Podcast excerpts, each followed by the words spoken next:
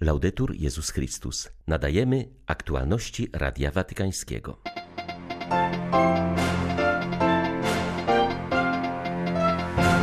Papież wskazuje, że w obliczu męki i śmierci Chrystusa powinniśmy zachować milczenie i prosić o dar płaczu z cierpiącymi. Z okazji świąt paschalnych życzy, aby nie tracić nadziei. Już 51 dni trwa droga krzyżowa narodu ukraińskiego. Wielu ludzi doprowadziła ona do wiary i odkrycia Boga w życiu. Po dwóch latach do rzymskiego koloseum powraca droga krzyżowa. Rozważania i modlitwy przygotowały rodziny z całego świata, również te naznaczone trudnymi doświadczeniami, straty, migracji i wojny. 15 kwietnia witają Państwa Łukasz Sośniak i ksiądz Krzysztof Ołdakowski. Zapraszamy na serwis informacyjny. Cisza jest dźwiękiem Wielkiego Piątku, zwłaszcza gdy wybija konkretna godzina, trzecia po południu. Cisza jest też właściwym słowem na czas bólu i udziela miejsca tym, którzy płaczą. Te słowa wypowiedział dzisiaj papież w wywiadzie udzielonym dziennikarce Lorenie Bianchetti w specjalnym odcinku programu na jego obraz we włoskiej telewizji RAI. W rozmowie zostało poruszonych wiele tematów. Dramat wojny nie tylko na Ukrainie, rola kobiet, problem uchodźców, pandemia, światowość w kościele, znaczenie przebaczenia i nadziei w chrześcijańskiej wędrówce. Franciszek powiedział o pokorze milczenia w obliczu cierpienia innych i potrzebie proszenia o łaskę płaczu. Mówiąc o tragedii zaatakowanej przez Rosję Ukrainy, przyznał, że świat jest obecnie w stanie wojny i idzie za wzorem Kaina. Ojciec Święty zaznaczył, że nie prowadzi się dialogu z diabłem, ale rozmawia się z ludźmi dotkniętymi chorobą nienawiści. Diabeł nie jest mitem, ale rzeczywistością, jest zwodzicielem, przedstawia grzech jako coś atrakcyjnego i popycha do niego. Papież przytoczył zdanie Dostojewskiego: Walka między Bogiem a diabłem toczy się w samym sercu człowieka. Dlatego potrzebujemy tej łagodności, tej pokory, aby powiedzieć Bogu: Jestem grzesznikiem, ale Ty wybaw mnie, pomóż mi. W dzień Wielkiego Piątku papież zwrócił się do serca każdego człowieka. Pozwól, aby przed Jezusem ukrzyżowanym poruszyło się Twoje serce, pozwól, aby przemówił On do Ciebie swoim milczeniem i swoim bólem. Franciszek zwrócił uwagę, że przebaczenie ma boskie korzenie. Jeśli nie popełniłem jakiegoś zła, to dlatego, że On mnie powstrzymał swoim miłosierdziem. Wywiad zakończył się życzeniami papieża na Wielkanoc. Moim życzeniem jest, aby nie tracić nadziei, prosić o łaskę płaczu, ale płaczu radości, pocieszenia. Jest już trzecia po południu. Jak powinniśmy dziś przeżywać tę godzinę? spytała prowadząca wywiad dziennikarka. Pytanie pozostało bez odpowiedzi. Papież milczy przez kilka sekund. Na końcu Lorena Bianchetti obejmuje Franciszka w imieniu wszystkich, dziękując mu za jego świadectwo. Po dwóch latach przerwy wywołanej pandemią, papież Franciszek dziś wieczorem kolejny raz będzie przewodniczył drodze krzyżowej w rzymskim Koloseum. Z okazji roku poświęconego rodzinie, poprzez który Kościół obchodzi piątą rocznicę powstania adhortacji apostolskiej Amoris Leticia, rozważania i modlitwy zostały przygotowane przez rodziny. Medytacja dziesiątej stacji Jezus został ukrzyżowany rodzi się z doświadczenia matki, która musiała zająć się dwojgiem dzieci, sześcio i czterolatkiem, po niespodziewanej śmierci męża. W swym rozważaniu Simona Spinelli pisze: Od ponad siedmiu lat jestem krzesłem z trzema nogami zamiast czterech, najpiękniejszym i wartościowym, nawet jeśli trochę niestabilnym. Pod krzyżem każda rodzina, nawet ta najbardziej skrzywiona, najbardziej cierpiąca, najdziwniejsza, najbardziej niekompletna, znajduje swój najgłębszy sens, również nasza. Doświadczyliśmy nie bez łez i bólu, że Jezus w tym uścisku zbitych gwoździami belek patrzy na nas i nigdy nie zostawia nas samych. Jedenasta stacja Drogi Krzyżowej mówi o dialogu Jezusa z dobrym Łotrem na krzyżu. Rozważania do niej napisali rodzice, których dwoje z trójki dzieci poszło drogą powołania kapłańskiego i zakonnego. Benedetta, obecnie Agata, jest mniszką klauzurową w klasztorze trapistek. Wcześniej studiowała medycynę i pracowała. W końcu przyznała, że pragnie klauzury. Byliśmy oszołomieni, bo mieliśmy przekonanie, że już czyni dużo dobra, powiedział jej ojciec Vito Sidotti. Z kolei Andrea jest księdzem od dwóch lat i należy do bractwa kapłańskiego misjonarzy świętego Karola Boromeusza. Dla rodziców Andrei i Benedetty decyzje dzieci o podjęciu powołania były zaskoczeniem. Ich działania mające na celu zniechęcić dzieci do powołania przypominają im dziś działania Łotra, który dopiero na krzyżu zrozumiał, kim jest Jezus i że najważniejsze jest Jego królestwo, mówi Vito Sidotti. To były dla nas całkowicie nieoczekiwane wybory. Wiedzieliśmy, że Andrea ma wielu przyjaciół i wydawało nam się, że interesuje się jedną z dziewczyn.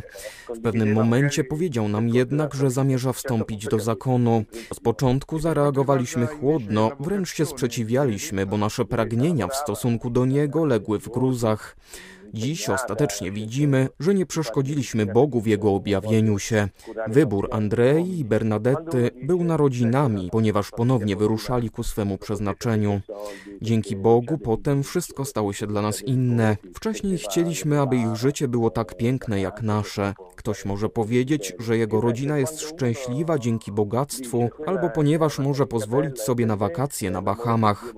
Dla mnie piękna rodzina to miłość, jakiej Bóg pragnie dla każdej osoby. W swoim życiu doświadczyłem, że Bóg naprawdę mnie kocha. To jest doświadczenie, które widzę w moich dzieciach. Migracja, jak podkreśla papież Franciszek, jest znakiem naszych czasów, dlatego wśród rodzin, które przygotowały rozważania, nie mogło zabraknąć właśnie tych, którzy wędrują w poszukiwaniu lepszego życia. To, co obecnie dzieje się w Kongu, to krzyż.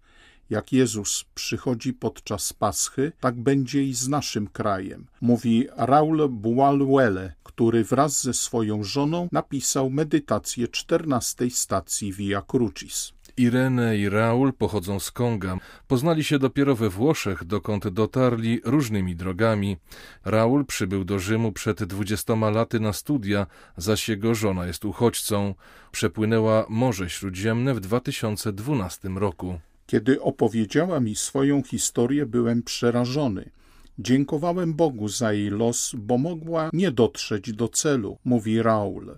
Według niego Kongo od lat jest na swojej drodze krzyżowej, a możliwość napisania rozważań jest okazją do utwierdzenia się w nadziei.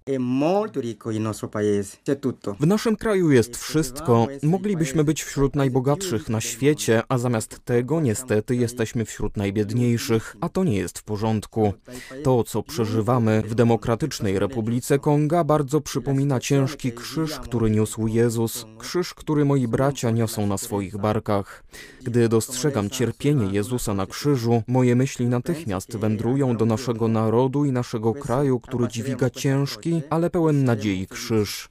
Nie tracimy nadziei, że ten nasz krzyż doprowadzi nas do celu, jakim jest szczęśliwe życie. Marzę, że pewnego dnia, już bez krzyża, będziemy szczęśliwi. Tak jak Jezus przychodzi z martwych wstały podczas Paschy, tak też i będzie z Kongo. Tegoroczny Wielki Piątek na Ukrainie ma szczególny charakter. Doświadczenie cierpienia stało się dla wielu osób drogą krzyżową w codzienności, która trwa już 51 dni i została zapoczątkowana w dniu wybuchu wojny. Dla wielu cierpienie okazało się drogą prowadzącą do wiary i odkrycia Boga w swoim życiu. Dariusz Krawczyński, członek wspólnoty Galilea w Chełmie, w pierwszych dniach wojny zdecydował się nieść pomoc humanitarną Ukrainie. We współpracy z Caritasem w Drohobyczu regularnie jeździ busem na wschód Ukrainy, by tam zawozić pomoc, a w drodze powrotnej ewakuować ludzi. Jak sam mówi, na Wielki Piątek w tym roku patrzy w inny sposób, poprzez pryzmat spotkań, jakich doświadczył w trakcie swoich podróży. Nie spotkałem jak do tej pory osoby, która by nie skłaniała się poprzez te działania wojenne właśnie bardziej do krzyża Chrystusa i utożsamiają się z Chrystusem, gdzie niejednokrotnie mówią, że wcześniej z wiarą nie mieli nic wspólnego. Dzisiaj Chrystus ma twarz uchodźcy z Ukrainy i myślę, że ten piątek jest też bardzo szczególny. Cały naród ukraiński bardzo, bardzo taki dobitny sposób i bolesny sposób e, będzie przeżywał ten czas, ale przeżywają go tak naprawdę już od 24 lutego. Jest to dla nich droga krzyżowa, ale jednocześnie widzę, że ta droga krzyżowa prowadzi przez krzyż do Chrystusa. W tym roku, tam gdzie było to możliwe, odprawiano nabożeństwa drogi krzyżowej i liturgię Wielkiego Piątku. W archidiecezji lwowskiej prawie w każdej parafii uczestniczyli w nich uchodźcy. Z Ukrainy dla Radia Watykańskiego ksiądz Mariusz Krawiec, Paulista. W tych dniach, gdy wojna staje się coraz straszniejsza, gdy na domy niewinnych ludzi spadają kolejne rakiety i bomby, zwracamy się w stronę Bożego Światła ponieważ wierzymy, że to właśnie zaprawdę umieramy, mówi arcybiskup Światosław Szewczuk w swoim codziennym orędziu podkreśla, że ta świadomość nadaje sens ukraińskiej kalwarii i budzi wiarę w zwycięstwo, gdyż prawda zawsze zwycięża. Zwierzchnik ukraińskiego kościoła grecko-katolickiego zatrzymał się w swoim dzisiejszym wojennym przesłaniu nad treścią ósmego przykazania Bożego nie mów fałszywego świadectwa przeciw bliźniemu swemu. Podkreślił, że przykazanie to wzywa każdego chrześcijanina do życia w prawdzie, przypomina o obowiązku świadczenia o niej nawet z życia. Pierwszą ofiarą wojny zawsze jest prawda. Pamiętajmy, że sam Jezus powiedział o sobie: Ja jestem drogą, prawdą i życiem. Zwróćmy uwagę, że ta straszna wojna, która pustoszy Ukrainę, która pod względem intensywności nie ma sobie równych i może być porównywalna tylko z II wojną światową, nazywana jest wojną hybrydową. Polega ona na tym, że aby pokonać wroga, najpierw znieważa się go kłamstwem. Wielka wojna jest dziś powiązana z wielkim kłamstwem. Tymczasem my, chrześcijanie, mamy obowiązek żyć prawdą i o niej świadczyć, nawet jeśli ta prawda może być dla kogoś niewygodna. Chcę szczególnie podziękować dziś wszystkim, którzy mają odwagę świadczyć o prawdzie, głośno mówić o tym, co dzieje się na Ukrainie. Dziękuję dziennikarzom, którzy w tych dniach przybywają na Ukrainę, by pokazywać światu zło, którego dopuszczają się Rosjanie na naszej ziemi. Wielu z nich zginęło lub zostało rannych. Chcę podziękować wszystkim świadkom rosyjskich zbrodni, którzy mają odwagę mówić o nich światu. W Etiopii trwa jeden z najpoważniejszych kryzysów humanitarnych na świecie. Jest on spowodowany wojną domową, która 16 miesięcy temu wybuchła w regionie Tigraj. W rozmowie z Radiem Watykańskim zwierzchnik etiopskiego kościoła katolickiego wyraża nadzieję, że trwające negocjacje doprowadzą w końcu do trwałego pokoju i poprawy sytuacji cierpiącej ludności. Kardynał Berhane Jezus Sorafiel przyznaje, że sytuacja nieco się poprawiła wraz z rozpoczęciem rozmów pokojowych i zawieszeniem broni. Zwraca jednak uwagę, że Tigraj wciąż jest odcięty od pomocy humanitarnej, a setki tysięcy ludzi nadal umierają z głodu i braku dostępu do leków. Zawsze, gdy dochodzi do wojen i konfliktów, cierpią przede wszystkim zwykli ludzie. To dzieje się i tym razem. Cierpią nie tylko mieszkańcy Tigraj, ale i sąsiednich regionów, również dotkniętych przez konflikt. Tych ludzi dotyka obecnie przede wszystkim głód, przesiedlenia i ogromne zniszczenia tych terenów. W tragicznej sytuacji są dzieci, podejmowane są próby wznawiania edukacji, ale jest to trudne, ponieważ budynki szkół zostały zniszczone. Dzieci siedzą podczas lekcji na ziemi, na kamieniach albo na drewnianych kłodach.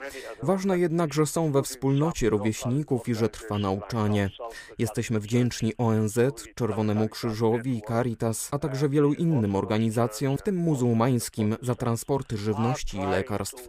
Mamy nadzieję, że dzięki tej pomocy uda się uniknąć klęski głodu. Były to aktualności Radia Watykańskiego. Laudetur Jezus Chrystus.